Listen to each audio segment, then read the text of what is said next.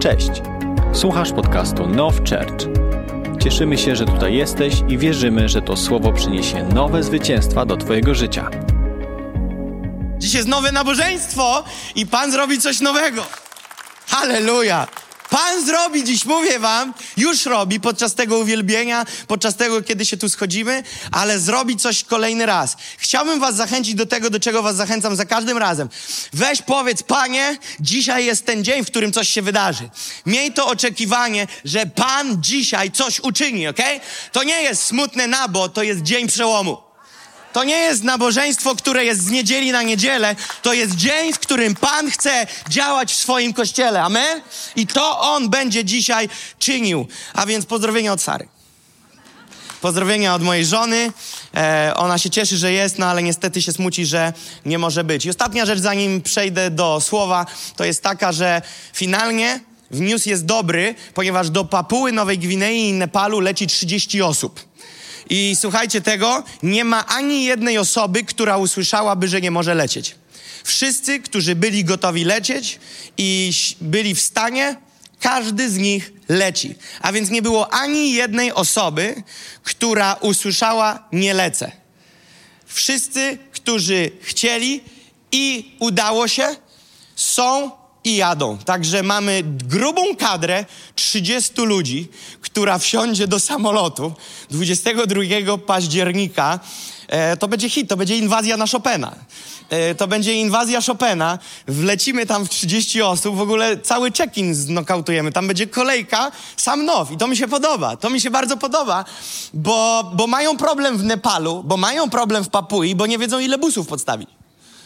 Ja mówię, myślcie, myślcie teraz, myślcie. Tu jak Polska przyjeżdża, to to wiesz, to my nie przyjeżdżamy w trzech. Tu jest ekipa zwartych przebudzeniowców, także szykujcie busiki, koledzy. A więc jedziemy, inwazję robimy na mocno, szykujemy się na to, co nadchodzi i to będzie naprawdę dobry czas. Słuchajcie, e, zacznijmy, znaczy to zawsze już zaczęliśmy wcześniej, ale, ale posłuchajmy tego. Kiedy zaczęliśmy modlitwy nasze w styczniu i ja miałem możliwość w, tą, w ten pierwszy poniedziałek, kiedy po tej niedzieli, pierwszej niedzieli e, nowego roku, zeszliśmy się na sali wschodniej na 19, na tą pierwszą z 22 e, modlitw, e, powiedziałem coś takiego, że jedno to powód, dla którego Bóg nas stworzył, a co innego to zadanie, dla którego nas powołał. Pamiętacie to? To są dwa inne tematy. E, jedno to jest, dlaczego On cię stworzył, a drugie to, że zadanie, do którego ciebie powołał. I my musimy umieć to rozgraniczyć i postawić kreskę i zrozumieć, że to są dwa inne tematy. Stworzył ciebie dla siebie samego. On nie stworzył cię, żebyś ty dla niego pracował. On stworzył cię dla siebie samego. Ze względu na miłość, ze względu na jego pragnienie, aby mieć cię dla siebie. Musisz o tym pamiętać, bo jeżeli o tym nie pamiętasz, to tak naprawdę zaczynasz przychodzić do kościoła, żeby ugrać coś, jakąś służbę, a służysz po to, żeby się przypodobać, a tak naprawdę bez tego wszystkiego dodatkowego on cię kocha. On stworzył cię po to, aby dzielić z tobą miłość.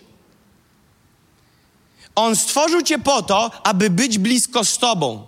On nie stworzył cię dla zadania. On stworzył cię dla siebie samego. I to mnie rozwala, że wszechmogący Bóg, Alfa i Omega, stworzył mnie dla siebie. To jest genialne.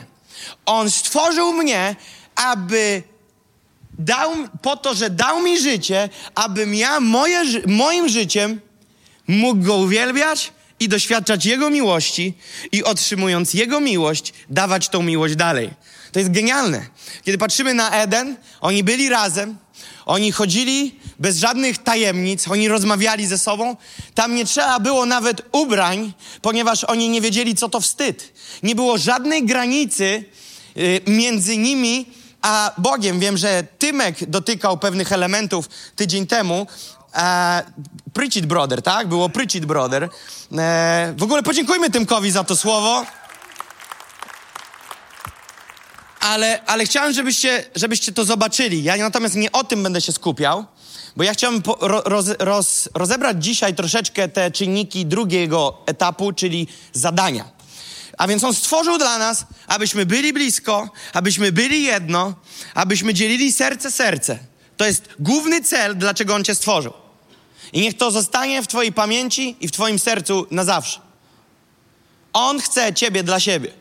Ja jako ojciec mogę i mam możliwości, aby zrobić wiele w życiu mojego syna. Ale to, co dla mnie jest jako ojca najpiękniejsze, to kiedy ja mogę z nim być, spędzić czas.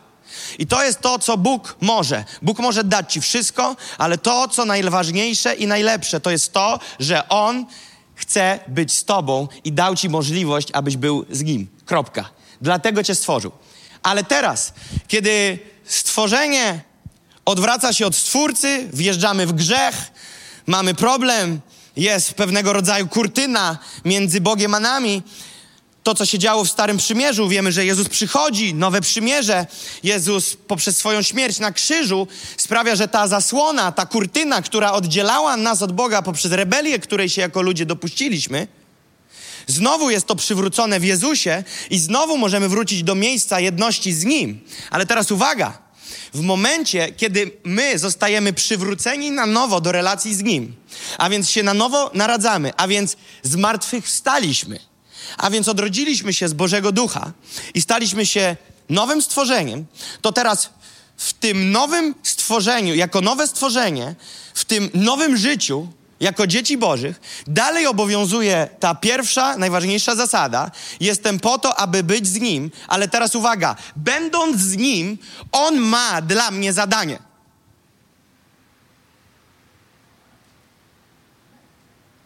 On ma zadanie. I to jest bardzo kluczowe, ponieważ zadanie jest dla każdego.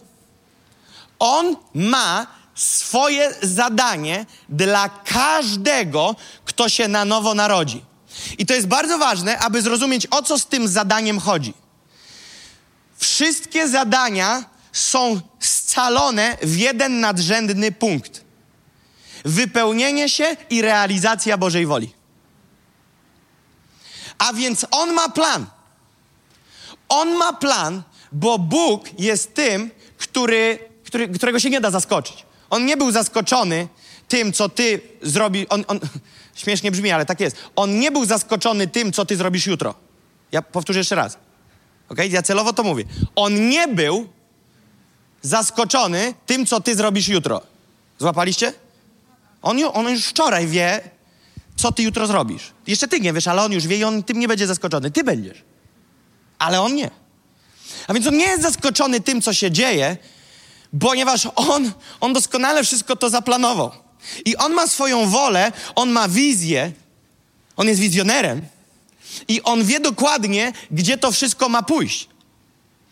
I teraz, kiedy, kiedy rzeczy mają się dziać, on używa swojego kościoła, Czyli wszystkich ludzi, którzy są nowonarodzeni, znamy tę terminologię, non-stopie powtarzamy, że Kościół to nie budynek, Kościół to grono wierzących ludzi, którzy spotykają się w Jego imieniu.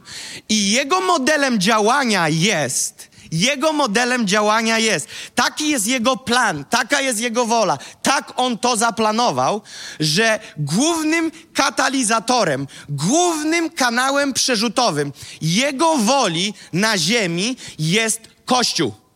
Dzieje się to przez Kościół. A Kościół tworzą ludzie. A więc Jego wola realizuje się przez życie ludzi. Jakich ludzi? Nowonarodzonych. Ilu ludzi? Wszystkich. Plan jest, że to jest trochę tak. Gość ma jakąś firmę, korpo, cokolwiek ma, jest prezesem nad prezesami, ok? I ma tysiąc stanowisk. I te tysiąc stanowisk są po to, aby zrealizować jego wizję. On nie zatrudnia tych ludzi z innego powodu, jako numer jeden, aby to, że wizja jego dla tej firmy się zrealizuje. Po drodze są benefity, powstają przyjaźnie, relacje, powstają miejsca, w których ludzie bez pracy mają pracę. Poprzez pracę mają finanse, poprzez finanse spłacają jakieś zobowiązania, ale on nie zatrudnia człowieka, którego nie zna, ze, na razie nie mówimy o Bogu, mówimy o korpo. on nie zatrudnia człowieka, bo mówi, wiesz co, nie znam cię, tam olać plan mojej firmy, ale zatrudnię cię. Jako informatyka. Ty, ale ja komputera nigdy nie miałem. Nie ma problemu. Nie chodzi o firmę, chodzi o ciebie. Nie, nie znam takich właścicieli firmy, nie znam takich dyrektorów. On zatrudni ludzi, którzy będą w stanie wpiąć się w realizację wizji tego, co się dzieje, tego, co on wytycza, aby realizować wizję. Kiedy ludzie zajmą właściwe pozycje w tej firmie, wtedy możemy mówić, że wizja pchana jest do przodu. I teraz na chwilę zapomnijmy o tym, ale gdzieś z tyłu głowy to miejmy. I teraz Bóg ma swoją wolę, Bóg ma plan, On jest Bogiem sezonów, On jest Bogiem czasu, On jest tym, który to wszystko poukładał. To zmierza do tego, że Jezus wróci. Wiecie o tym, tak? On wróci. Taka niespodzianka dla niektórych. Jezus wróci. I powiem ci, że sprawdzi, w jakiej kondycji jest jego oblubienica, czyli ty i ja. I to, co się dzieje teraz, szerszy kontekst, to jest najszerszy kontekst, jaki może być teraz poruszony, to jest to, że między innymi to, co się globalnie dzieje, to jest to, że oblubienica ma się przygotować na powrót oblubieńca. To jest szeroki kontekst historii. Bez szerokiego nie złapiemy wąskiego, czyli tego dla ciebie i dla mnie na dziś. A więc dzisiaj, bo Kościół jest nazwany oblubienicą, ale Kościół to kto? To my, tak? A więc my jesteśmy oblubienicą. A kto jest oblubieńcem? Jezus. A więc On, Biblia mówi, że On, oblubieniec, powróci po swoją oblubienicę ale on chce zobaczyć, zastać oblubienicę bez skazy, mówi Biblia. I Paweł mówił o tym, że on przygotowywał kościoły, on przygotowywał ludzi, którzy byli wokoło, aby stanąć w doskonałej dyspozycji. Nie chodzi tu teraz o uświęcenie w kontekście usprawiedliwienia ponieważ to jest dokonane przez krew baranka, ale on chciał przygotowywać i swoim życiem sprawiał wszystko, co mógł, robił wszystko, co mógł, aby przygotować ludzi, na których miał wpływ, aby oni byli jak najbardziej jeden do jednego względem tego, co Bóg zaplanował dla oblubienicy. Oblubienica bez skazy. Oblubienica, która staje się jedno, jeżeli chodzi o bicie serca z oblubieńcem. Ten, oblubieniec, który patrzy na nas, on chce, aby oblubienica robiła to, co oblubieniec chce i ma i pragnie w swoim sercu. A więc my jesteśmy w miejscu, w którym jako oblubienica musimy rozumieć, że oblubieniec wróci, ale zanim wróci, to my mamy do wykonania jako oblubienica zadanie. To jest bardzo ważne. Życie Kościoła, czyli oblubienicy, nie opiera się tylko, jeżeli wpadłeś w taką pułapkę kiedyś y, nauczania, oblubienica to jest grono ludzi, którzy będą siedzieć 24 na dobę i się modlić, to się pomylili. Ponieważ oblubienica ma się modlić, ma być rozkochana w Bogu, ten dom ma być domem modlitwy, ale oblubienica ma też zadanie – oblubienica nie ma być śpiącą księżniczką na, na, na, na niwach pańskich, która leży dzień i noc przez dwie dekady w Bożej obecności, ponieważ to jest leniwa oblubienica. Oblubienica ma się karmić, ma się napełniać, ma się modlić, ale ma też wykonać zadanie. I oblubienica, czyli Kościół, czyli wszyscy my, którzy jesteśmy nowonarodzeni, odpowiedzialność za zadanie spoczywa na mnie i na Tobie. A więc realizacja Jego woli poniekąd jest na Twoich barkach. Jeżeli myślisz, że masz wybór, to nie znasz słowa. Wielu ludzi mówi: Ja rozumiem, że wy intensywnie działacie, ale ja tylko posłuchać. Okej, okay, jest czas na słuchanie, musisz wyjść może z dołka, musisz może się wydostać, ale jak patrzysz na słowo, nie ma czegoś takiego, że twoje chrześcijańskie życie polega na uczęszczaniu na zgromadzenia. Nie ma wyboru patrząc na słowo. Możesz decydować, ja ci powiem na której kartce możesz to wyrwać, ale nie masz wyboru. Oblubienica ma zadanie i nie ma czegoś takiego jak furtka, aby w zgodzie z wolą Bożą podjąć decyzję: Ja nie jestem pracownikiem, ja jestem tylko uczestnikiem. Mm-mm. Takie przypadki są wymienione, ale nie na zielonej liście. I teraz z tym zadaniem jest tak, że nikt nigdy nie ma możliwości zrobienia wszystkiego od A do Z. Bóg tak to skonstruował, że dzięki Jego woli, bardzo dobrze, że tak wyszło, żaden człowiek nie ma takiego guzika, że jest w stanie od A do Z albo wszystko pchnąć, albo od A do Z wszystko zatrzymać. Bóg stworzył taki układ, że jest to gra zespołowa. Całe ciało musi ze sobą współpracować. Dlatego wszystkie te wersety o tym, jak ręka nie może powiedzieć do oka, bo nie jestem okiem, nie potrzebuję cię i tak dalej. Bóg właśnie celowo to tak stworzył, że my musimy się wzajemnie zasilać i współpracować, ponieważ nie ma możliwości, to jest bardzo ważne, nie ma możliwości, aby dany kościół, jeden lokalny, przez jednego człowieka mógł wykonać zadanie, które jest na danym lokalnym kościele. To jest niewykonalne. Teraz nie mówimy o całym ciele Chrystusa, bo to później tylko piramidalnie pomnóż. Mówimy o jednym lokalnym zborze. Nie ma możliwości, aby jeden człowiek, nieważne jak obdarowany, namaszczony, powołany i z wiarą jak w Hebrajczyków 11, że jeszcze nawet z opaską chodzi. Wiara jest pewnością, przeświadczeniem tego, czego nie widzę, a nawet jakbym chciał widzieć, to nie widzę, bo mam opaskę. Nie. Nie ma takiej możliwości. Bóg nie da opcji takiej, że jeden człowiek, jak wszyscy się zapną, to on i tak ich kurczę zwiąże i wrzuci do portu przeznaczenia. Nie ma takiej możliwości. A więc wymaga to współpracy. I oczywiście, że zawsze w każdym kościele, w każdej służbie jest jeden zaprzęgowy koń, który to wszystko wiezie i w każdej służbie tak jest. Jest ten jeden wariat, który to wiecznie pcha. I pytanie, ile wariatów dołączy? Tych pozytywnych, szaleńców. I to później rośnie w szerokość, że ta armia, którzy pchają, napierają, idą w przód, się rozrasta. I tak to właśnie robi Bóg. Bóg tak robił w Starym Testamencie, Bóg tak robi w Nowym Testamencie.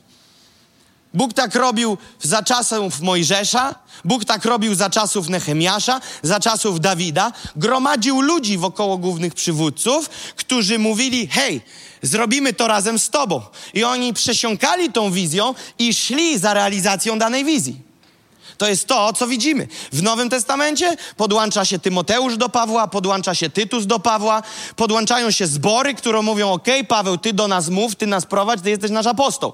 Więc widzimy to non-stop na kartach Starego Przymierza i Nowego, że to nie jest model, który ktoś tu na siłę w Now Church próbuje sprzedać, tylko to jest biblijny wzór. To jest biblijny wzór, tak zawsze działało, działa i działać będzie. Chyba, że spróbujemy zmodyfikować, to nie zadziała. Ale do czego ja zmierzam? Zmierzam do tego, że to jest trochę tak, że Boża wola się i tak zrealizuje. To jest bardzo ważne, żebyś zrozumiał. Wola Boża, ja celowo tak podnoszę rękę, to symbolizuje, że to idzie nade mną. Ona i tak jedzie. Trochę jak ta lina na wyciągach narciarskich. Ok? Ta lina będzie szła ta, te orczyki, które są, które możesz sobie tak pod pupcie wsadzić, kojarzycie to? Nie mówimy takich krzesełkowych, tylko takie, co, co powiem wam tak na, na, żarto, na, żarto, a, na żarty, a na serio. Jak byłem mały, bo ja bardzo od małego nauczyłem się jeździć na nartach, ja generalnie chyba w wieku e, około 8 lat wygrałem konkurs skoków narciarskich. Naprawdę. Ja mam zdjęcie z gazety. To jest hit. Naprawdę tak było. I ja od małego jeżdżę na nartach mnie tata wnosił na stok, bo ja nie mogłem w tych butach chodzić, ale jak mnie już zapiął, to już jechałem. Więc ja od narty doskonale rozumiem. Ale powiem wam, jakie jaja były, bo ja w tak małym wieku już pchałem się na wyciąg narciarski, na te orczyki. I problem polegał na tym, że w niektórych, to jest tylko taki żart po drodze, żebyście wiedzieli, co się dzieje, jakiego porąbanego pastora macie, że ja się zaczepiałem za ten orczyk, ale w niektórych miejscach lina szła wyżej, i był inny dystans, a moje nogi były za krótkie i ja wisiałem. Więc ja wjechałem na tym orczyku, wisząc, nie dotykając nartami stoku, po prostu jak ludzie to widzieli, to nagrywali. Dzieciak wisiał na orczyku i wjeżdżał na górę. A więc tak było. I ta lina Bożej woli, ten kierunek ku wykonaniu, on idzie, się nie zatrzyma i się zrealizuje. Wola Boża nie może się nie zrealizować. Wola Boża musi się zrealizować. Jeżeli Bóg powie tak, to będzie tak.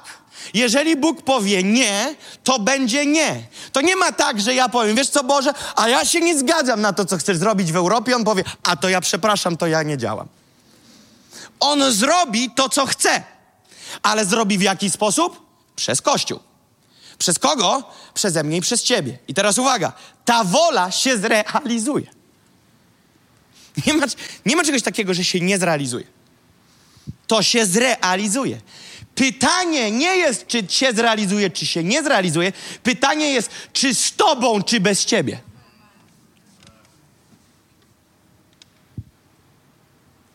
My nie rozgrywamy debaty, zrealizuje się wola, nie zrealizuje się wola Boża. To pytanie jest bez sensu.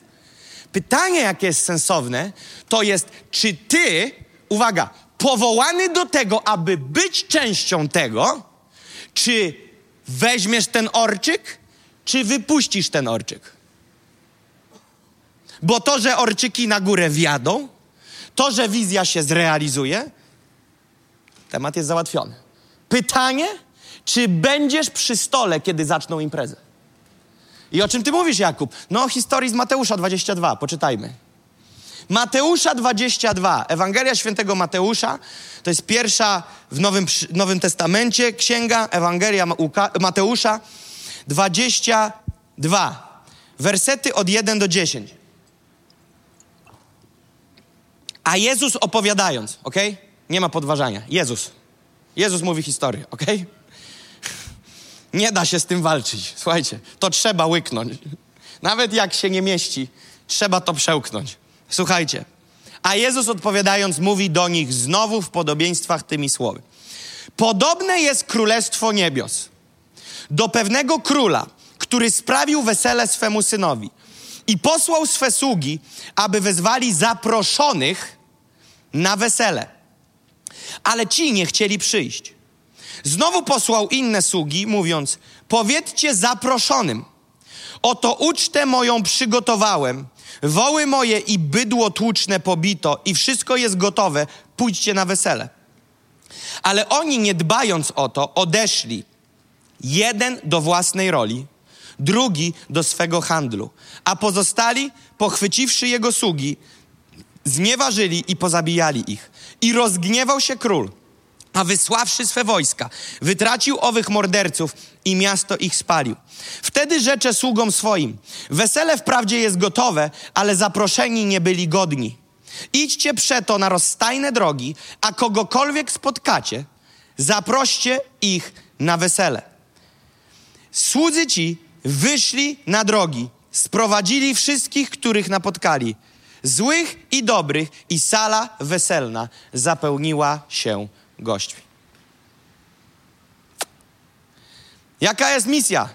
Król wymyślił, że będzie wesele, że będzie tłum i że będzie impreza. Teraz uważaj. Byli ludzie zaproszeni wcześniej na to wesele. Byli ludzie wcześniej zaproszeni, którzy nie zostali zaproszeni w tym momencie, ale zostali zaproszeni wcześniej, ponieważ król powiedział: poślijcie sługi po zaproszonych. Czyli wezwanie nie jest, że zapraszamy, wezwanie jest do zaproszonych, działamy. To jest kluczowe. A więc są ludzie, którzy gdzieś tam działają i są zaproszeni. I on mówi: dawajcie, bo działamy. Ale tamci nie chcą tego słuchać i odrzucają zaproszenie. Teraz to jest bardzo kluczowe, bo tu jest wiele wskazówek i proroczych znaków dla nas. Biblia mówi, że kiedy oni odrzucili zaproszenie, król wysłał sługi do nich ponownie. Nie jesteśmy ludźmi, którzy raz popełnią błąd i się rozminą. On po nas wraca. On daje nam szansę. Gdyby był jednej szansy, to nikogo tu by z nas nie było, tym bardziej mnie. Byłoby pozamiatane. Ale dlatego, że On jest cierpliwy, to nie zdejmuje mnie z tego, co robię, ponieważ popełnię błąd. Gdyby za błąd było ściąganie, nikogo z nas by nie było. Nie byłoby ani jednego przywódcy w kościele. A więc on, ale tu nie jest temat o mowie przy sto, o, o błędach przy stole. Tu jest mowa, podejdź do stołu. Ale oni mówią, nie, nie, wiesz co, my nie. Pogonili sługi. No to król mówi, co? Nie no, słuchaj, idź po nich jeszcze raz, przecież oni są zaproszeni. Więc znowu idą, ale oni mówią, nie, nie, nie. My nie mamy na to czasu, ponieważ my jesteśmy zamotani, zaganiani w swój handel i w swoje bydło. Co symbolizuje handel, co symbolizuje bydło? Pęd dnia codziennego i priorytety w Twoim życiu, które nagle, kiedy w kalendarzu krzyżują się z Bożą wolą, wybierzesz bydło, wybierzesz handel. To jest ta historia. Mówię, jest uczta, jesteście zaproszeni, nie musicie nic oprócz przyjść. To jest jedyne, co musicie zrobić. Przyjdźcie, jesteście do tego zaproszeni. Oblubienico, jesteś zaproszona, by być udziałowcem w realizacji mojej woli.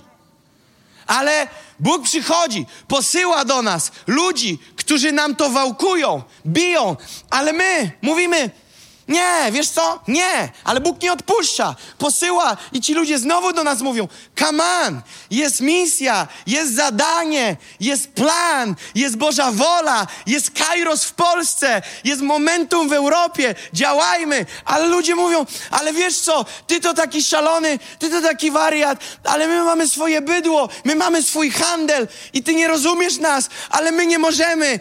I jest napisane, że zabili tych posłańców. Wiesz, co ty symbolizuje? Uciszenie głosów, które mówią ci wstań. Wiesz, jak to się nazywa w praktyce? Zmieniam kościół, bo za dużo ode mnie wymagają. Zmieniam grupę, bo ciągle mi marudzą, że jest więcej i ciągle mi naciskają napięte. Nie będę więcej słuchać tych kazań, bo one są niewygodne nie będę więcej jeździł na te konferencje, bo tam ciągle mówią, że trzeba więcej. Zabijasz głos, który konfrontuje letniość.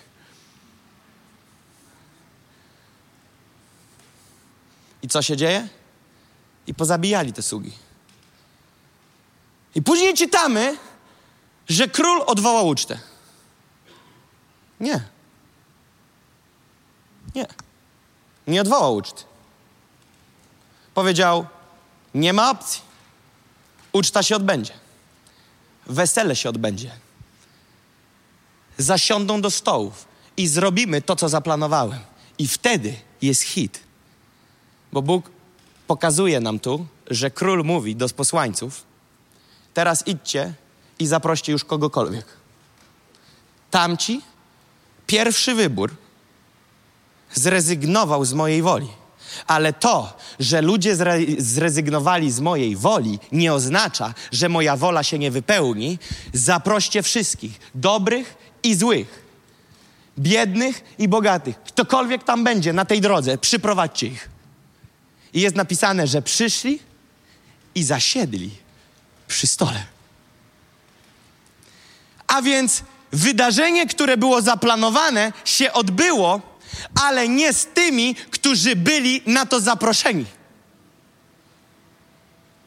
A więc widzisz, to nam pokazuje, że Boża wola i Boży plan się wypełni i że możesz być zaproszony, możesz być powołany, ale masz w swoim życiu pewne możliwości, które nazywają się wolna wola, poprzez którą możesz dokonywać wyborów, że pojawia się jakieś bydło, pojawia się jakiś handel i tam sobie podstaw co chcesz. Nowa blondynka chłopaku w twoim życiu lub umieśniony brunet, droga koleżanko. Narzeczony, narzeczona, mąż, żona, którzy wystrzelą cię z orbity, którzy wywalą cię w kosmos, że ty w ogóle, jak ci powiedzą, że jakaś wola jest, ty powiesz, a że wola, to jest, chodzi o dzielnicę w Warszawie? Nie będą rozumieli, co do nich mówisz, bo oni zaczną działać na innych poziomach. I jak będą przychodzili, będą mówili, a ci to swoje, wariują dalej. Nawet nie będzie jak dolecieć do ciebie z przekazem, bo ty antenę będziesz miał inaczej wystawioną. Na inne rzeczy. Na co? Na handel i na bydło. I będziesz czuł, że jest ciągle nie po drodze, bo wszystko, co ci głoszą, mówi, że handel i bydło nie jest najważniejsze. Ale patrzysz za okno, a tam te bydło ciągle chodzi. Wyobraź sobie to, siedzisz w tym domu jako ten człowiek z tej historii. I za oknem chodzi to bydło. Te bydło jest powiązane z handlem. I ci przychodzą i mówią: Wesele jest tam, w centrum miasta, na starówce. A ty mówisz, patrzysz tak za okno i mówisz: No ale to, to bydło tu jest, nie? No to ubite bydło. Nie, nie, nie. Ja nie mogę. Ja muszę iść na spacer z bydlakiem.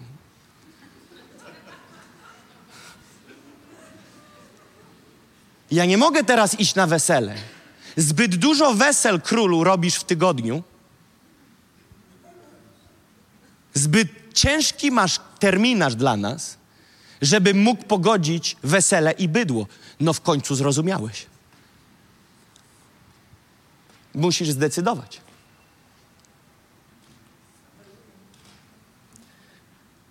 I nagle jesteśmy zadziwieni, bo pewnego dnia za naszej kadencji bycia zaproszonym, nawracają się ludzie na naszych oczach, kiedy my z Panem mamy już naście lat i przeganiają nas dwukrotnie, trzykrotnie, czterokrotnie, pięciokrotnie, zaczynają rosnąć w autorytecie, w namaszczeniu, we wpływie, przeganiają weteranów wiary. I my mówimy, co to jest? Gdzie jest ta spokojna ścieżka rozwoju? Wiecie, co mi powiedzieli? Po kilku latach pierwszych, około dwóch, trzech, nie pamiętam, powiedzieli: My nie możemy tego przyjąć, ponieważ on nie zrobił tego, co miał zrobić. I wtedy padło pytanie, co miał zrobić? Miał zrobić to, że przez pierwsze kilka lat to powinien komuś teczkę nosić. Ja mówię, halleluja, nosiłem, tylko że w trybie przyspieszonym. Nosiłem, myłem ludziom stopy dosłownie.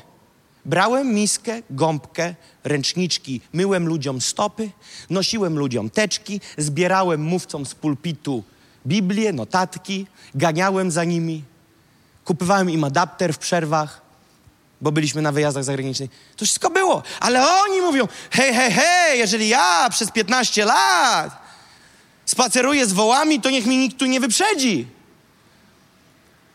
Jak to jest? I dlatego to wszystko tak stoi, umiarkowanie się buja na, na takiej powolnej faluni i jesteśmy zdziwieni, że za mało się dzieje. I nagle pojawia się ktoś, kogo Bóg powołuje, młodych ludzi, a takich mamy sporo w naszym kościele, którzy nagle, czy to młodzi wiekiem, czy młodzi w Panu, bardziej mi chodzi o młodych w Panu, którzy nagle łapią ten żag, wiatr w żagle, łapią to, rozpędzają się z Panem i ty nagle patrzysz, oni się zamieniają w myśliwce.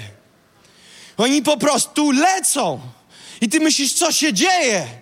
Ja i moje bydło nie jesteśmy w stanie zapakować się do tira, a oni już latają. Bo z bydłem nigdy nie wsiądziesz do odrzutowca.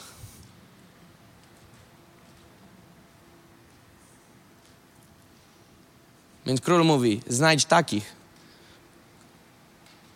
którym bydło i handel nie stanie na przeszkodzie. Mówi, znajdź mi takich, którym nie wyskoczy w kalendarzu fryzjer, kiedy jest wesele.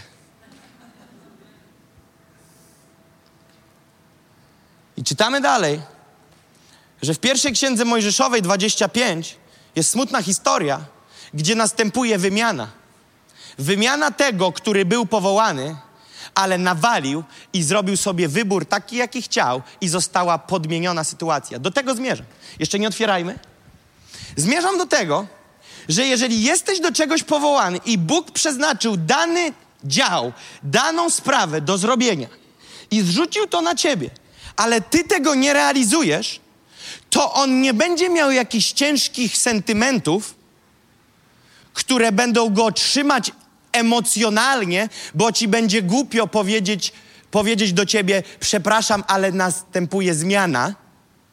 Jeżeli rozmawiamy o zadaniu, to jak przegniemy granicę, to Bóg podmienia.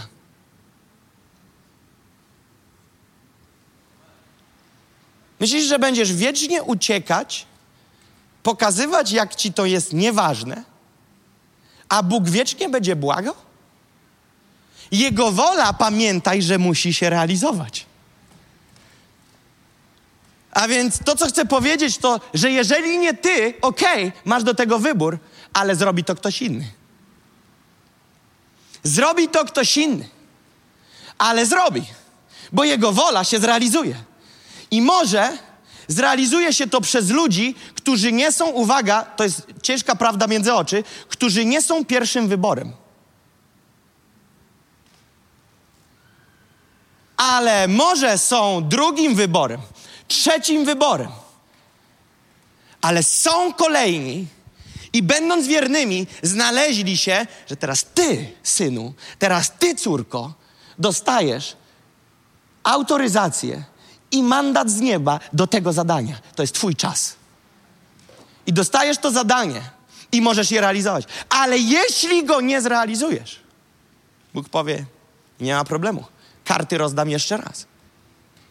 I znowu tasuje i rozdaje zadania.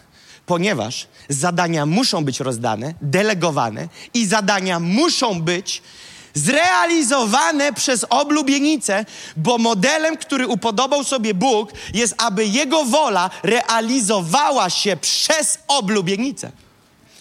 I zobaczcie, co się teraz dzieje, kiedy człowiek odrzuca, bo teraz kto powie, Jakub, Jakub, poczekaj, powolutku. Sugerujesz, że jesteśmy tu na sali jacyś ludzie, którzy odrzucają? Nie. Nikt nie powie, ja, Boże Wszechmogący, odrzucam Twoje zadanie z dniem dzisiejszym.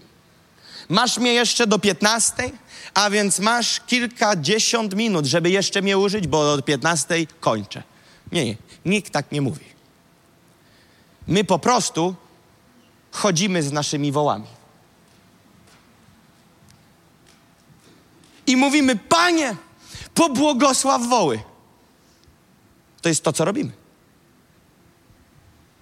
Pobłogosław nasze woły, które to nie pozwalają mi dotrzeć na Twoje wesele, na które jestem zaproszony.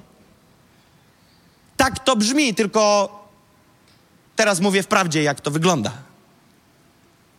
Pobłogosław moje woły, które stoją na przeszkodzie, abym wypełnił zadanie, które Ty dla mnie wyznaczyłeś. Pomóż mi rozwinąć handel bydłem żebym jeszcze mniej mógł mieć dla ciebie czas.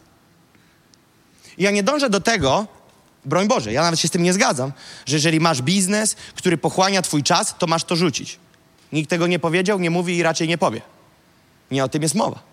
Mowa jest o tym, żeby te bydło nie stało się dla ciebie bożkiem i miejscem, w którym jesteś w czasie, kiedy obok jest wesele.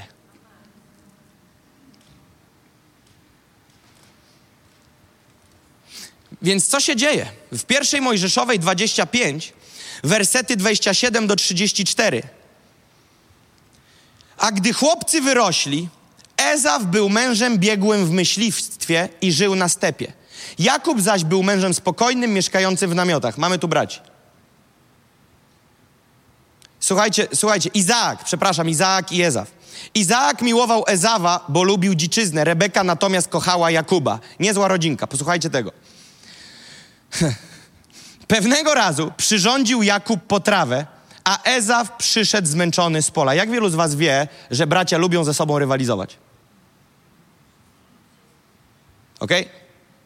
Żeby nie było. Siostry też. A więc zobaczcie, co się dzieje. Porównajmy tą rodzinkę do domu Bożego. Czytajmy w tym kontekście.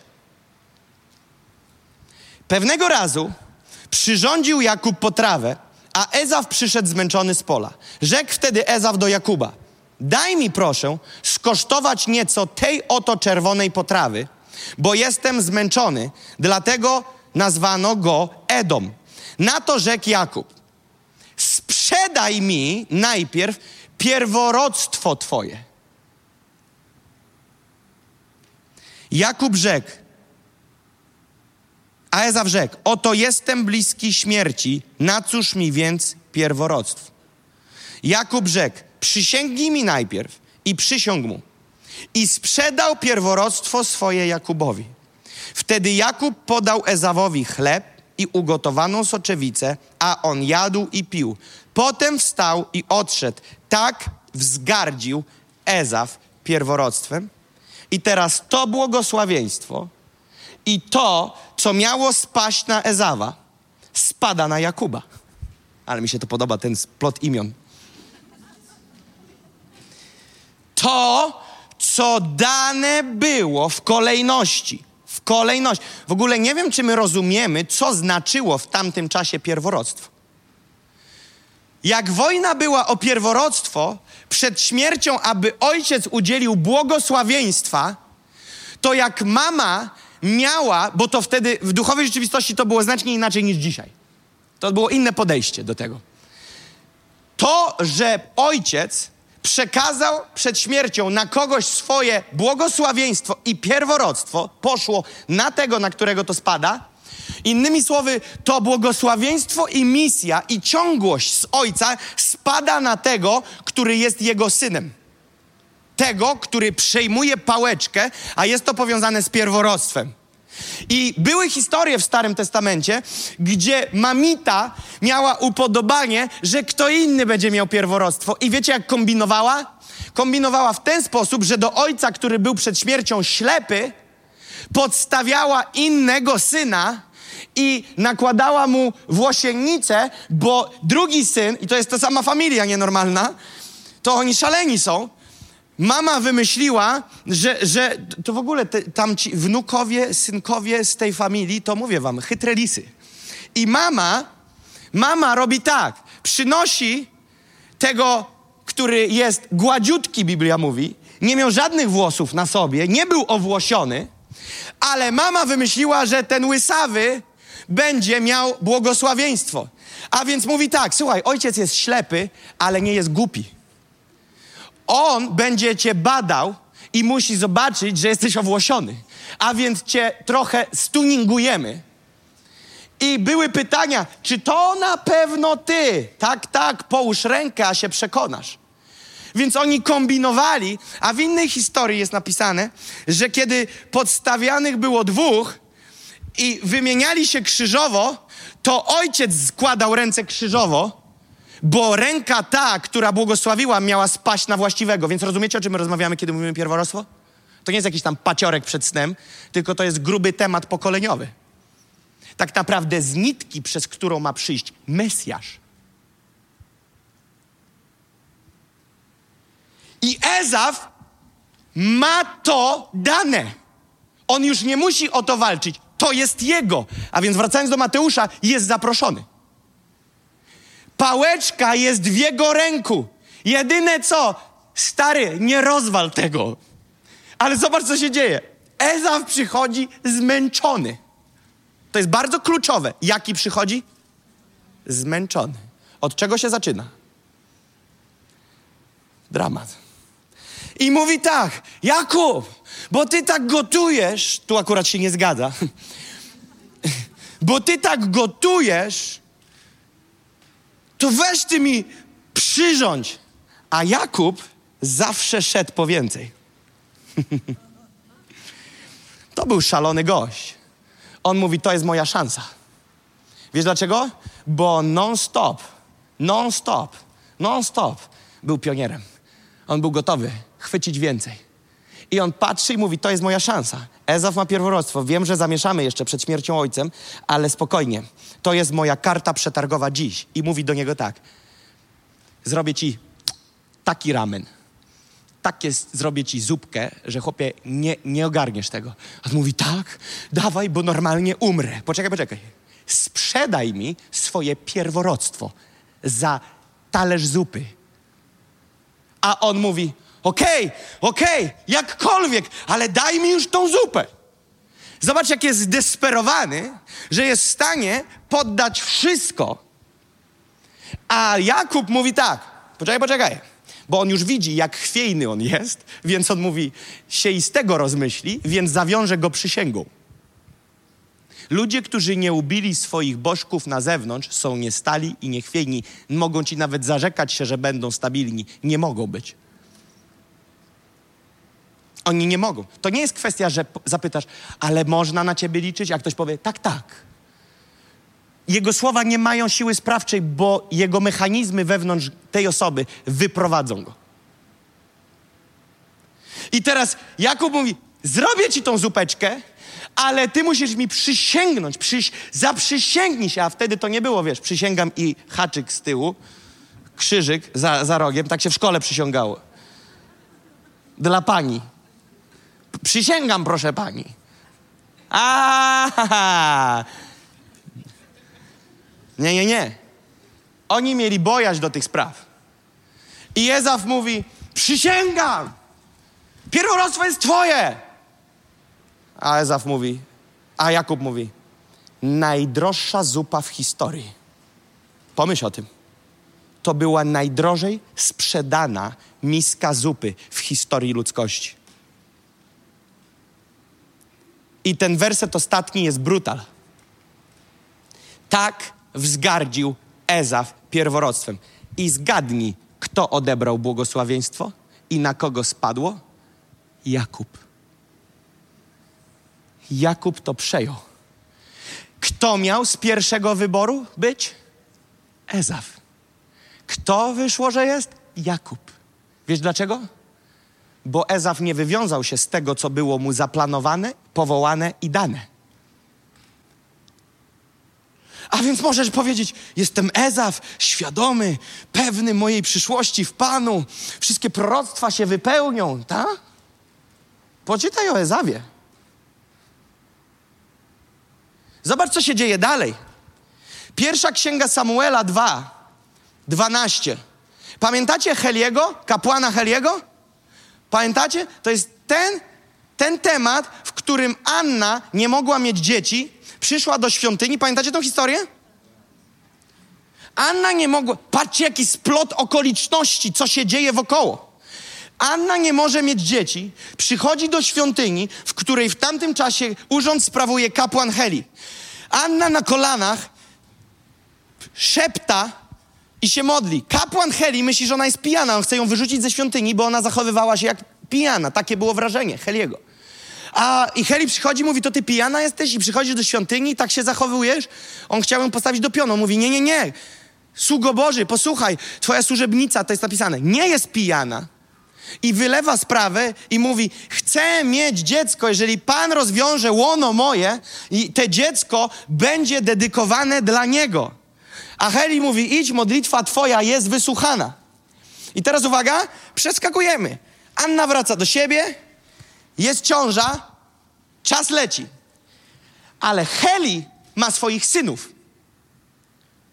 I teraz, kto ma objąć urząd kapłana po Helim? synowie. Idzie nitka. Mają przejąć to synowie. Dlaczego? Ponieważ wzór jest, że ma być kapłan pokolenie po pokoleniu pokolenie po pokoleniu. A więc wola Boża jest niezmienna. On wie, że jeszcze nie jest czas, jak Heli nawali, że Jezus wejdzie jako arcykapłan, bo Hebrajczyków mówi to, oj, oj, oj, że Hebrajczyków mówi, że Jezus wszedł jako arcykapłan, przyszedł jako nasz arcykapłan, więc ktoś by mógł powiedzieć w niebie jakiś anioł, patrz, Boże Ojcze, zobacz, co się dzieje. Znaczy w Starym Przymierzu jeszcze Jachwę by było. A Jachwę, Jachwę, Panie, zobacz, co się dzieje. Heli nawala, przyspieszmy powrót Jezusa, przyjście Jezusa, niech on obejmie urząd, bo nawalili. A, je, a Bóg mówi, nie, nie, nie. Będzie tylu kapłanów po drodze do momentu, kiedy jest zaplanowane, że Jezus przyjdzie. Jeszcze jest kilka znaków. Jeszcze się, słuchaj, nie narodzili mędrcy ze wschodu. bo się wszystko musiało spiąć z proroctwami. Czas jest wyznaczony. Rzeczy się muszą zadziać w kolejności. I Bóg mówi: Pochelim jeszcze nie Jezus. Jeszcze jest seria kapłanów, którzy muszą zasiąść.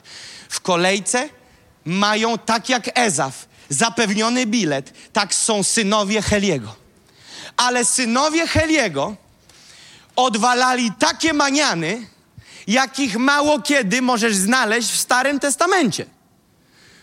Oni, dos, oni byli takimi obłudnikami, byli ludźmi bez jakiejkolwiek bojaźni Bożej.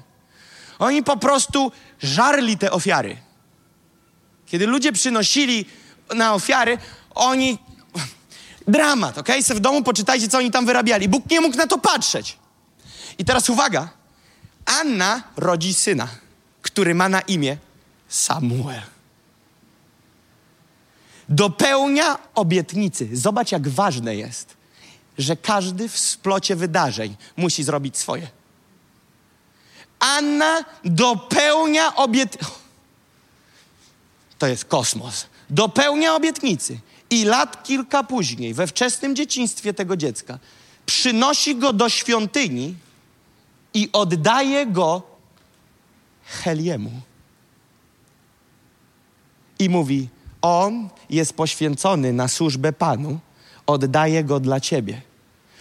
I Samuel zamieszkuje u boku Heliego. I nagle w nocy jest głos: Samuelu, Samuelu.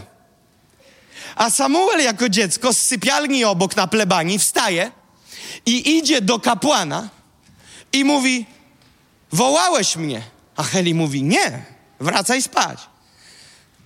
Samuel wraca do łóżka, leży. Samuelu, Samuelu, co się dzieje? To jest równoległe.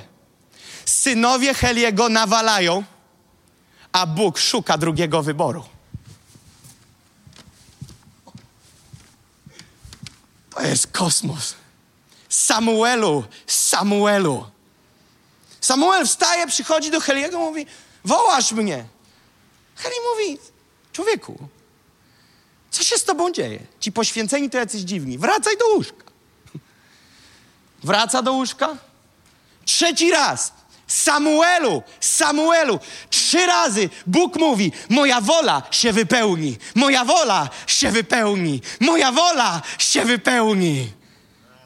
Samuel przychodzi trzeci raz do Heliego, a Heli łączy kropki i mówi: Okej, okay, już rozumiem, to Bóg cię woła. Następnym razem, kiedy cię zawoła, powiedz: Mów, panie, bo sługa twój słucha. Bam, wraca. Samuelu, Samuelu, mów, panie, bo sługa twój słucha. I następuje powołanie. I teraz wracamy. Finał historii. Pierwsza księga Samuela, 2:12.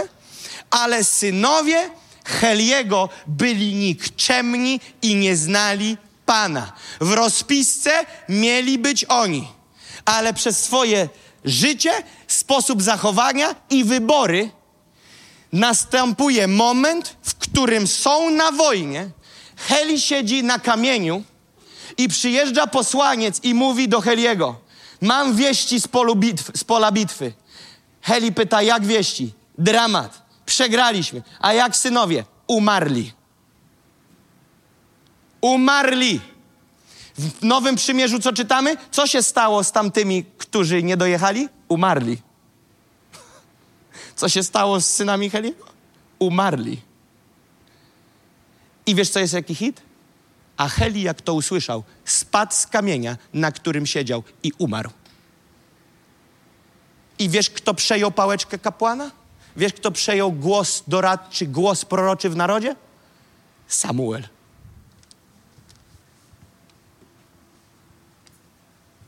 Jeżeli to nie wstrząsa tobą, to już cię nic nie wstrząśnie. Jeżeli tu na tym kazaniu śpisz,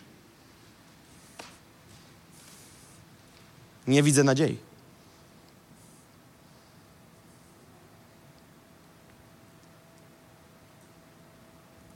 Saul, król Saul. Teraz Saul jest za czasów Samuela.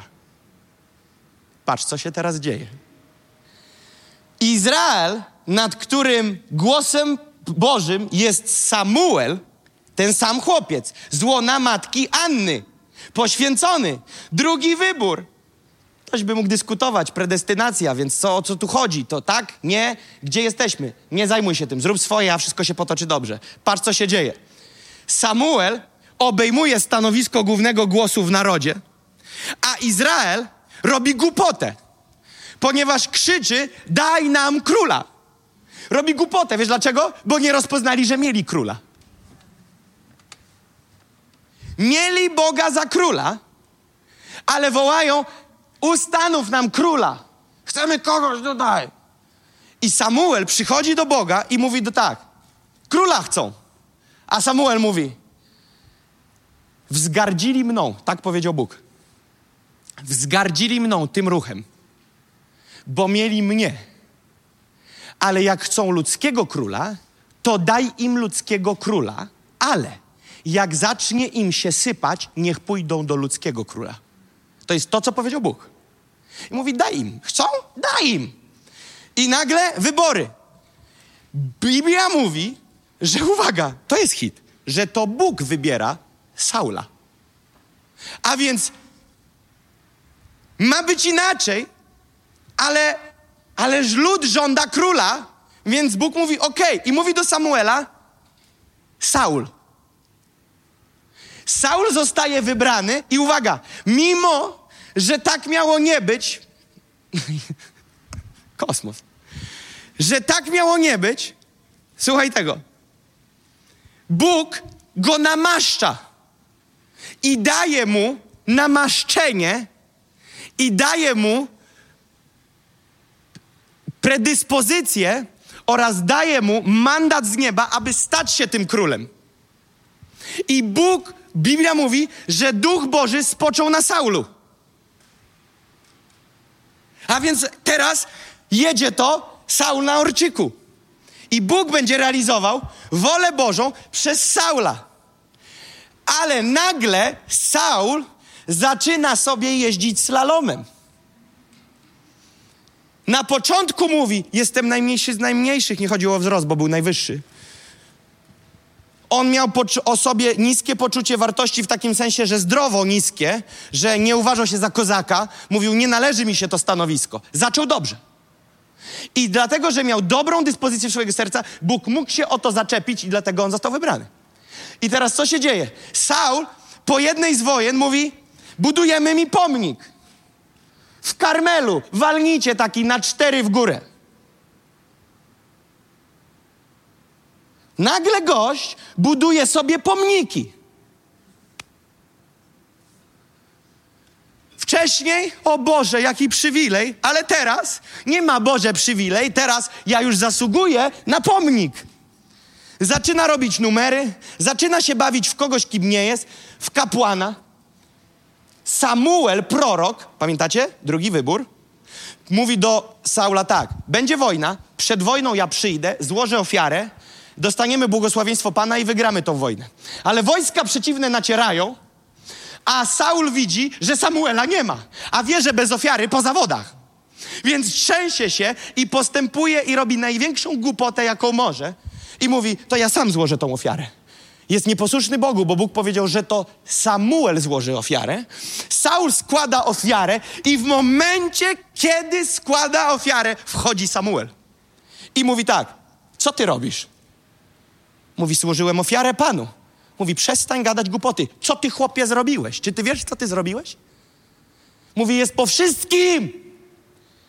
Zrąbałeś cały projekt. I Saul chwyta Samuela, a Samuel mu mówi, odebrane ci zostało królestwo. Kto miał stać się królem po, Samuelu, po Saulu?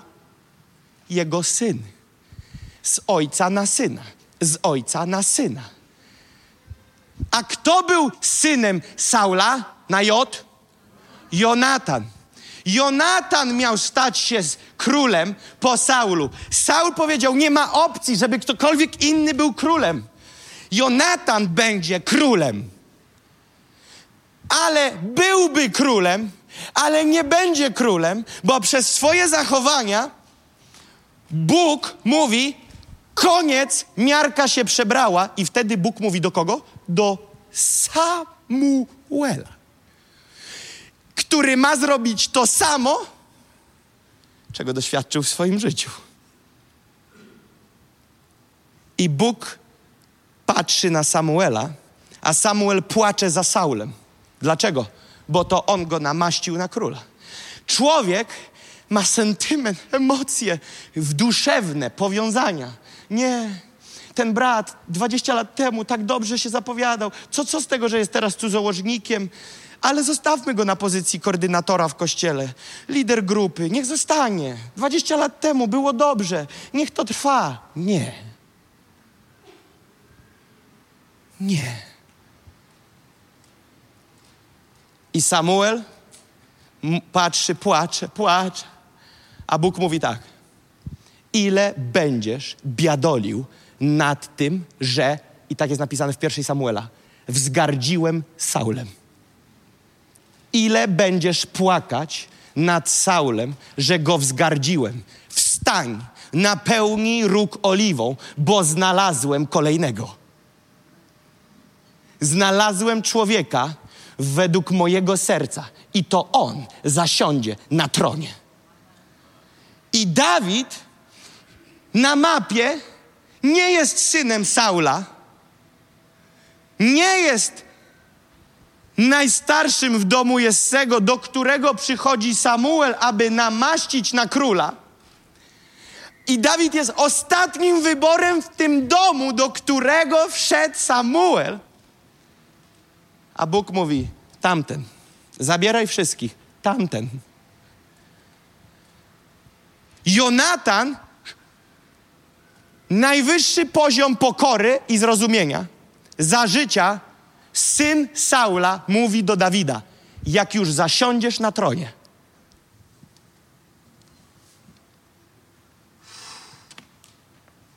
mówi: Obiecaj mi, że jak zasiądziesz na tronie, Jonatan wie, że przez głupotę ojca stracił to, co miał tron.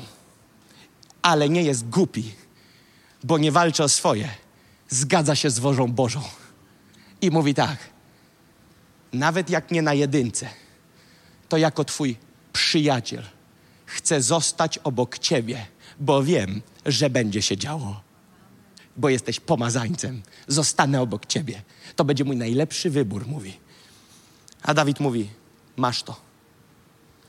Ale nawet Dawid nie przewidział konsekwencji, jak wielkie spotkają jego najlepszego przyjaciela ze względu na głupie kroki Saula. I co się dzieje? Saul ginie w bitwie i Jonatan ginie w bitwie. Heli umarł, synowie umarli. Ale wizja trwa, wola się wypełnia. Dawid obejmuje koronę i tron. A później mowa jest, że Mesjasz zasiądzie na tronie Dawida.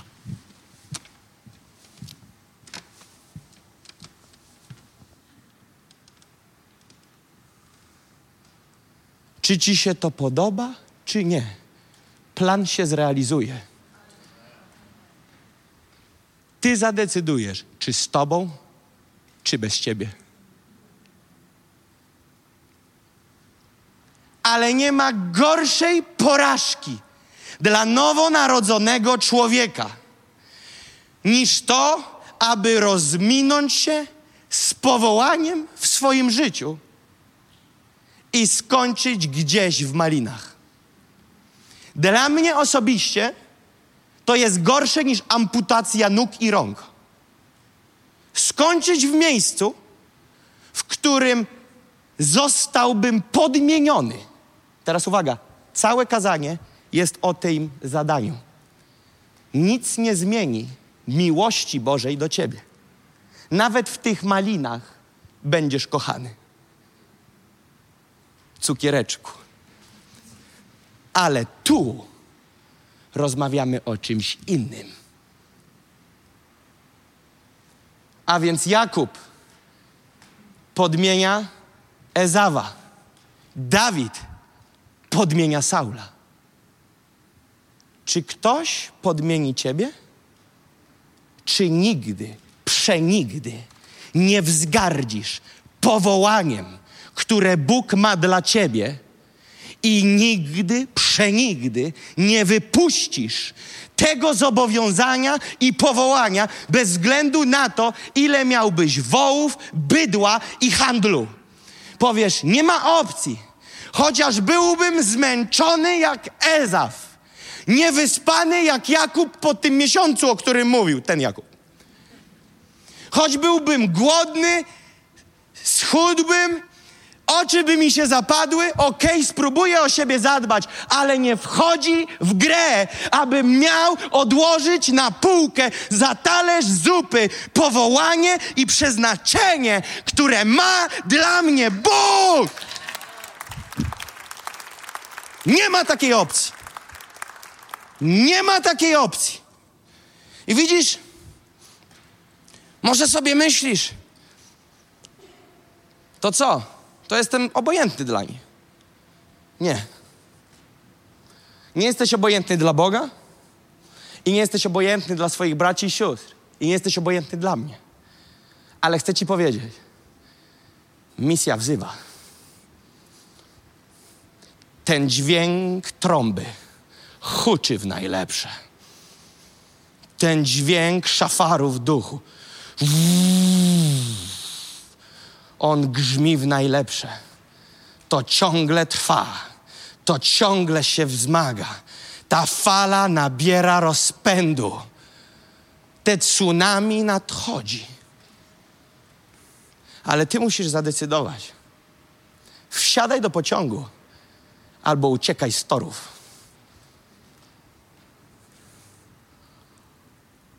Moim sercem jest, aby wszyscy w tym kościele, i gdyby się dało jeszcze, i ci, którzy odeszli, żeby zostali i żebyśmy jako jedna paczka zrobili to, co Bóg powołał to miejsce do zrobienia. Ale ja nie jestem w stanie tego zrobić. Ja nie jestem w stanie tego zrobić. I największym cierpieniem dla mnie, ale umiem ogarnąć swoje emocje, jest to, kiedy widzę kolejnych zaproszonych, wychodzących z uczty. To jest dla mnie największa blacha w twarz. Nie jako ktoś wzgardził mną, ale smutek ze względu na to, jak widzę, jak kolejni i kolejni i kolejni rozjeżdżają się i rozjeżdżają i robią kolejne koło wokoło szukania złocistego zboru, który to w końcu da im to, czego pragną. Ale wiesz co jest? Ten orczyk coraz bardziej się oddala.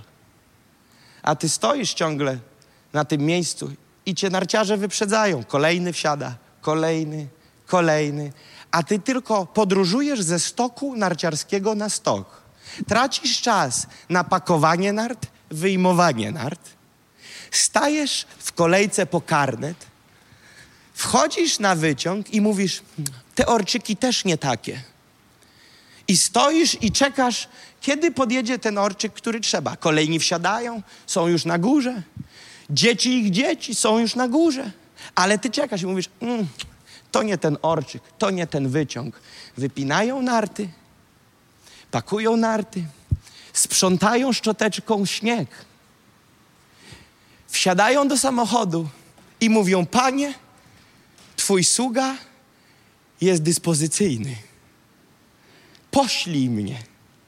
I oczywiście błogosławię ten stok, który nie chodzi Twoimi ścieżkami, który nie ma odpowiednio ubitego nasypu, który nie ma odpowiednich ratraków, które odpowiednio ubiły ten stok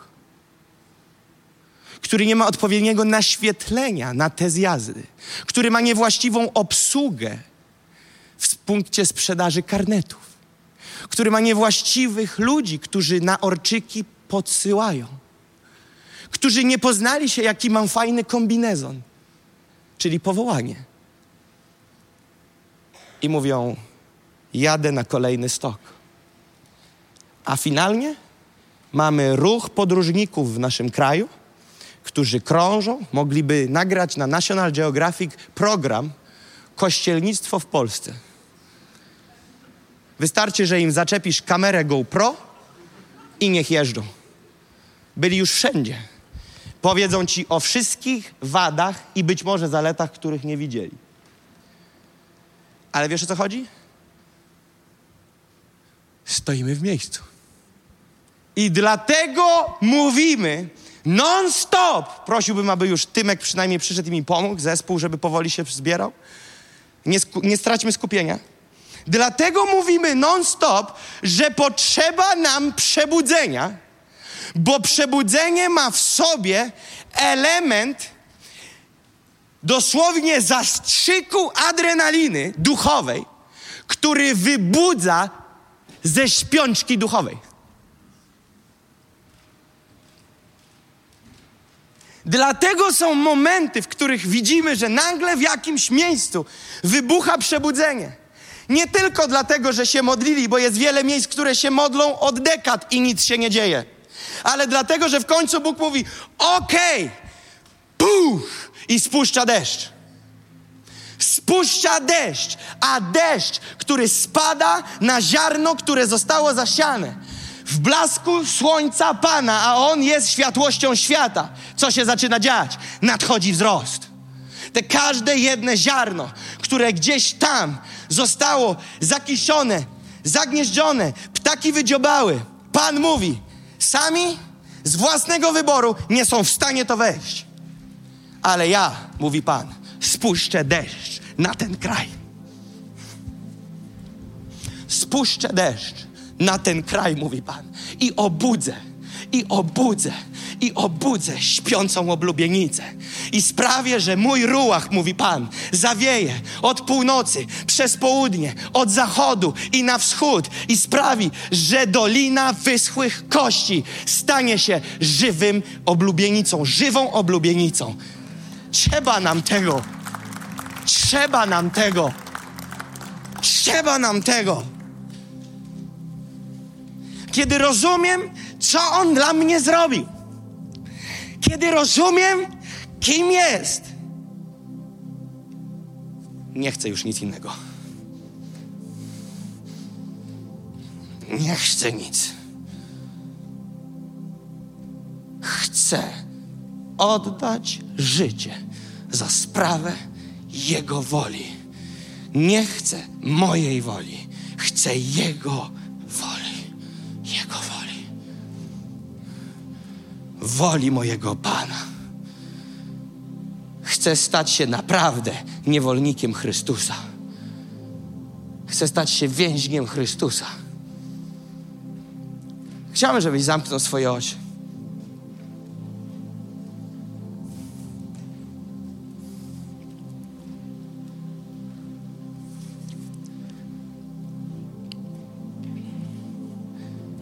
Powodem, dla którego wielu ludzi w tym kościele myśli, że nie mam miłości do Was, że ja nie mam miłości do Was, jest to, że nie pozwalam na to, abyśmy rozminęli się z wizją, poprzez co dochodzi do trudnych rozmów, do trudnych decyzji, do trudnych postanowień i konsekwencji i następstw pewnych decyzji.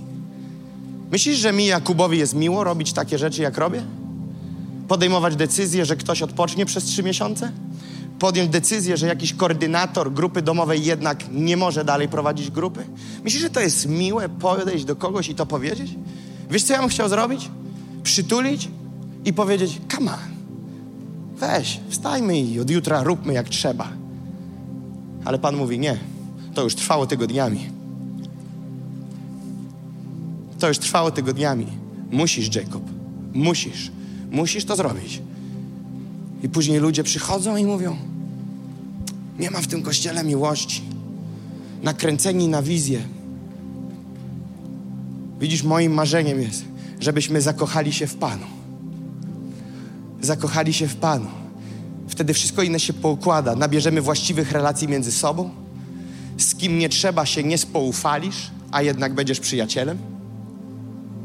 Nie stracimy do siebie nawzajem szacunku. Będziemy rozumieli, że ktoś biegnie przed nami. Będziemy rozumieli, że ktoś jest o krok w przód. Będziemy rozumieli, gdzie dany kościół, dana wizja idzie. I będziemy gotowi się pod to poddać. Ale jeżeli nie, nie, nie, nie wdrążymy w życie tego tematu, gdzie mój handel,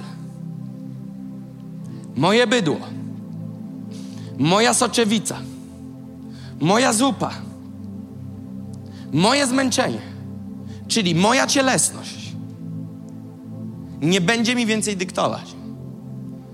Ale żyję dla Ciebie, Panie. Ten werset o tym, że nie żyję już ja, ale żyje we mnie Chrystus, Panie.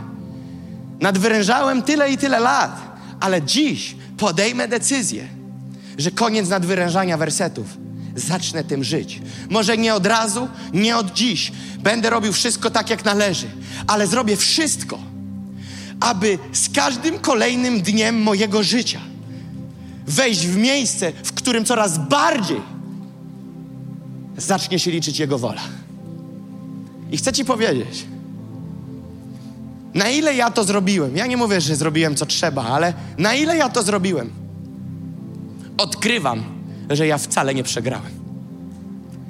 Ja wygrałem. Ja się uważam za wygranego. Ja się czuję jak czempion, jak zwycięzca. Wiesz dlaczego? Bo ja gram do interesu króla. A za życia nie ma większego przywileju niż żyć i współpracować dla króla i z królem. Nie ma większego zaszczytu. I teraz chcę Ci powiedzieć, wielu mówi, tak, to jest przywilej, to jest zaszczyt. Ale chcę Ci coś powiedzieć, jeżeli stanie się to dla Ciebie, bo ja często o tym mówiłem, to jest przywilej i zaszczyt, ale Bóg mnie rozciągnął i mówi, Jacob, musisz coś dopowiedzieć. To nie jest tylko przywilej i zaszczyt, ponieważ przywilej i zaszczyt można pewnego dnia odłożyć na półkę. Bóg mi powiedział, jest to przywilej, zaszczyt, ale i święte zobowiązanie. Święte zobowiązanie. To jest zobowiązanie, które ja podejmuję. Panie, ten PESEL, mój PESEL, to moje życie, ja, Jacob Kamiński, Twój syn, Twoje dziecko, za które przelałeś krew, porwałeś mnie dla siebie, stworzyłeś mnie dla siebie. Biorę to i będę w tym szedł, ale dopełnię zadania i wypełnię każde zadanie. Tak mi dopomóż Bóg. Zrobię wszystko, co mi powiesz, gdzie mnie poślesz i czy to będzie w zgodzie z moim kalendarzem, czy nie w zgodzie z moim kalendarzem, czy to będzie w zgodzie z moim komfortem, czy to nie będzie w zgodzie z moim komfortem, czy to będzie w zgodzie z moimi planami i marzeniami i niespełnionymi oczekiwaniami i niespełnionymi takimi planami, o ja to zrobię jeżeli nie zakopiesz tego, nie będziesz w stanie dojść tam, gdzie zabiera cię Pan. Nie ma takiej opcji. Chciałbym, abyśmy po raz setny mieli możliwość wyjść do przodu. Ale tylko ci, którzy czują, że nie rozmawiamy więcej o zabawie. Widzisz, nawet jak nie wyjdziesz, Bóg ma łaskę. Widzi Twoje serce. Możesz mu powiedzieć, Panie, kurcz, walka toczy się we mnie. I to jest prawda. To jest prawda, ponieważ jest wiele rzeczy, które są w Twoim życiu, które tak naprawdę mają pewną wartość. I jest ciężko. Tak jak ten bogacz, który przyszedł do Jezusa, mówi: Ja robię wszystko. A Jezus mówi: To jeszcze sprzedaj wszystko, co masz i rozdaj ubogim. I jest napisane, młodzieniec ten zasmucił się wielce, bo miał wiele majątności. Odszedł zasmucony. Czy Jezus chce, abyś porzucił wszystko, co masz? Cały warsztat, salon fryzjerski, pracę, którą masz, pozycję? Nie. Nie. Nie. Prawdopodobnie nawet może tak być, że On ci to dał. Dał ci to stanowisko. Jak patrzę na Piotra, dyrektor szkoły chrześcijańskiej. Piotrze, nawet póki co nie myśl, żeby zrezygnować z tego, co Pan ci dał. Oczywiście, Bóg ci powie, kiedy, co i jak. Ale sobie myślę, taki zaszczyt być dyrektorem w szkole chrześcijańskiej. Albo może masz firmę, w której masz wielu ludzi, na których masz wpływ. Bóg dał ci to. Nie musisz rzucać tym w kąt. Być może Bóg ci dał to, aby przez to błogosławić królestwo. Być może jesteś sportowcem, zawodowym piłkarzem. Być może Bóg dał ci to miejsce gdzieś tam w najwyższej lidze świata. Po co? Abyś pewnego dnia przed milionami widzów podniósł koszulkę i napisał I belong to Jesus. Należę do Jezusa. Po to, abyś pewnego dnia, kiedy dostaniesz mikrofon do ust i powiesz, jak doszedłeś na sam szczyt, powiesz, gdyby nie Pan, by mi w ogóle nie było. On mnie stworzył i dał mi ten talent. Ale widzisz, są też tu ludzie, którzy są powołani, aby być w klimacie lewitów. I klimat lewitów to jest klimat, w którym Biblia mówi, że jedno, jedno e, nie pokolenie, ale plemię, żeby lewici nie zajmowali się niczym innym, ale byli w stu procentach dedykowani na służbę Panu. W stu procentach. I Bóg mi pokazał, że w naszej służbie będą też ludzie, znaczna mniejszość, bo zawsze lewici stanowili mniejszość, ale ludzi, którzy porzucą totalnie wszystko i zostaną oddzieleni do służby na pełen etat, nie zajmując się ani jednym projektem więcej poza tym, co dzieje się w obrębie powołania Lewitów. I to będziesz musiał sobie odpowiedzieć w swoim sercu. Kim jesteś przed Panem, nie przede mną. Do czego powołał Cię Bóg?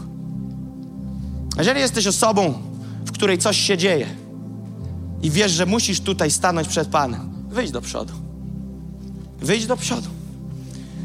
Jeżeli mówisz, Panie, wow, to chyba kolejne wezwanie na wesele.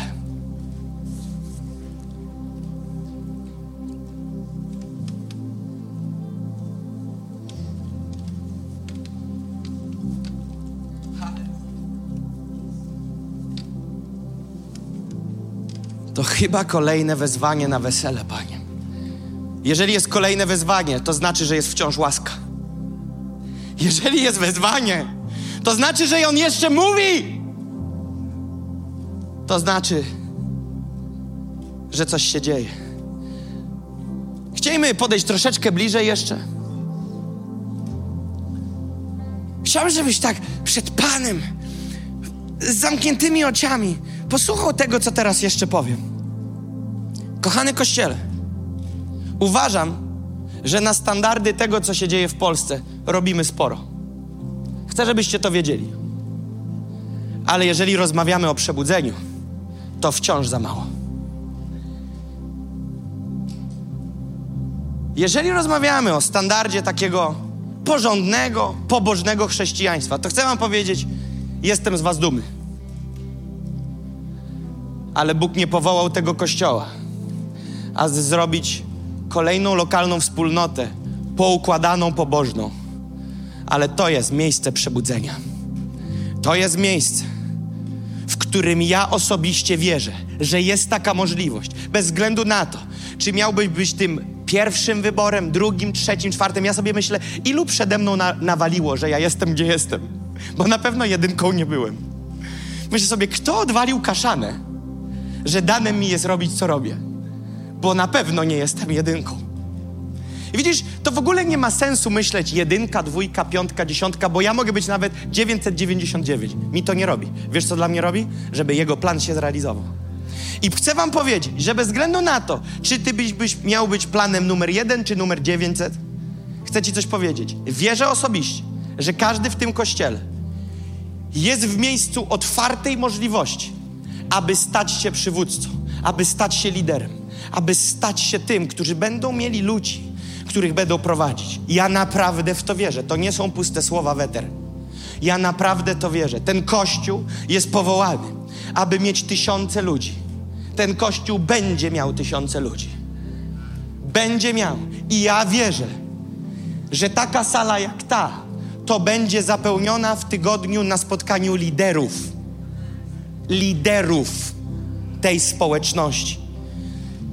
Czy bierzesz to pod uwagę, że możesz być duszpasterzem, możesz być koordynatorem grupy, możesz być liderem pewnej grupy ludzi, gdzie Pan powierza ci życie innych ludzi do tego, abyś ich wyposażał, prowadził, był dla nich duchową matką, duchowym ojcem? Ja wierzę w stu procentach, że jest taka możliwość. Sto procent. Sto procent. Halleluja. Patrzę na was i widzę przebudzenie. Naprawdę to widzę. To jest w powietrzu. To jest kościele do zrobienia. Ja chciałbym, żebyśmy teraz tak powoli podnosili i żebyśmy wierzyli, żebyś pomyślał sobie, kurczę, jakie zawa odstawili. I była szansa dla sprytnego Jakuba. Jak był pasterz na polu i była opcja, że zawołali go na tron, czyli Dawid. Jak widzimy tego Samuela, chłopaka z plebanii, który nie miał się w ogóle urodzić. Słyszysz to? Miał on się w ogóle nie urodzić. Jego mama usłyszała: Nie możesz mieć dzieci. A to on wylał olej na głowę Dawida. A to on był tym, o którym Biblia mówi, że żadne ze słów proroctwa, które wyszło z jego ust, nie upadło na kamień, co oznaczał, że ten gość walił sto na sto w dychę. Coś się dzieje. O Panie, wzbudź nam wiarę. Wzbudź w nas wiarę, Panie. W to, że jeżeli porzucimy to, co za oknem, na Twoją sprawę, to zobaczymy przebudzenie, Panie. Zobaczymy i będziemy na tym weselu, Panie. Ja dziękuję Ci za odważną decyzję każdej z tych osób, która wyszła tu do przodu, aby podjąć decyzję, że pragną czegoś więcej, Panie. Że pragną czegoś więcej w swoim życiu, Panie. Że chcą zobaczyć, nie tylko widzieć, ale uczestniczyć w realizacji Twojej świętej woli. Twojego świętego planu, odwiecznego planu. Biblia mówi o odwiecznym, tajemnym planie, który się realizuje na naszych oczach. Odwieczny, tajemny plan. Odwieczny, tajemny plan. Czy wiesz, że w linii genealogicznej Jezusa po drodze jest prostytutka? Tak mówi słowo, poczytaj sobie w domu. Po drodze linii genealogicznej, po której idzie Jezus, jest prostytutka. Jest szansa dla mnie i dla ciebie. Czytam Biblię i widzę, że Bóg chce nas użyć, że Bóg daje nam zaszczyt, przywilej, aby zostać użytymi do tego niezwykłego, tajemnego, odwiecznego planu. Planu, w którym oblubienica przygotowuje się na powrót oblubieńca. O Panie, modlimy się jako Kościół, jako Now Church, o każdą z tych osób, Panie. Stoimy razem przed Tobą, Panie, dzisiaj, jako jedno ciało i modlimy się, Panie. Porusz nasze serca. Ześlij ogień na nasze serce. Abyśmy byli, Panie, świadomym Kościołem. Kościołem, który jest gotowy, aby iść za tym, co masz. Halleluja. Halleluja. Zaśpiewajmy.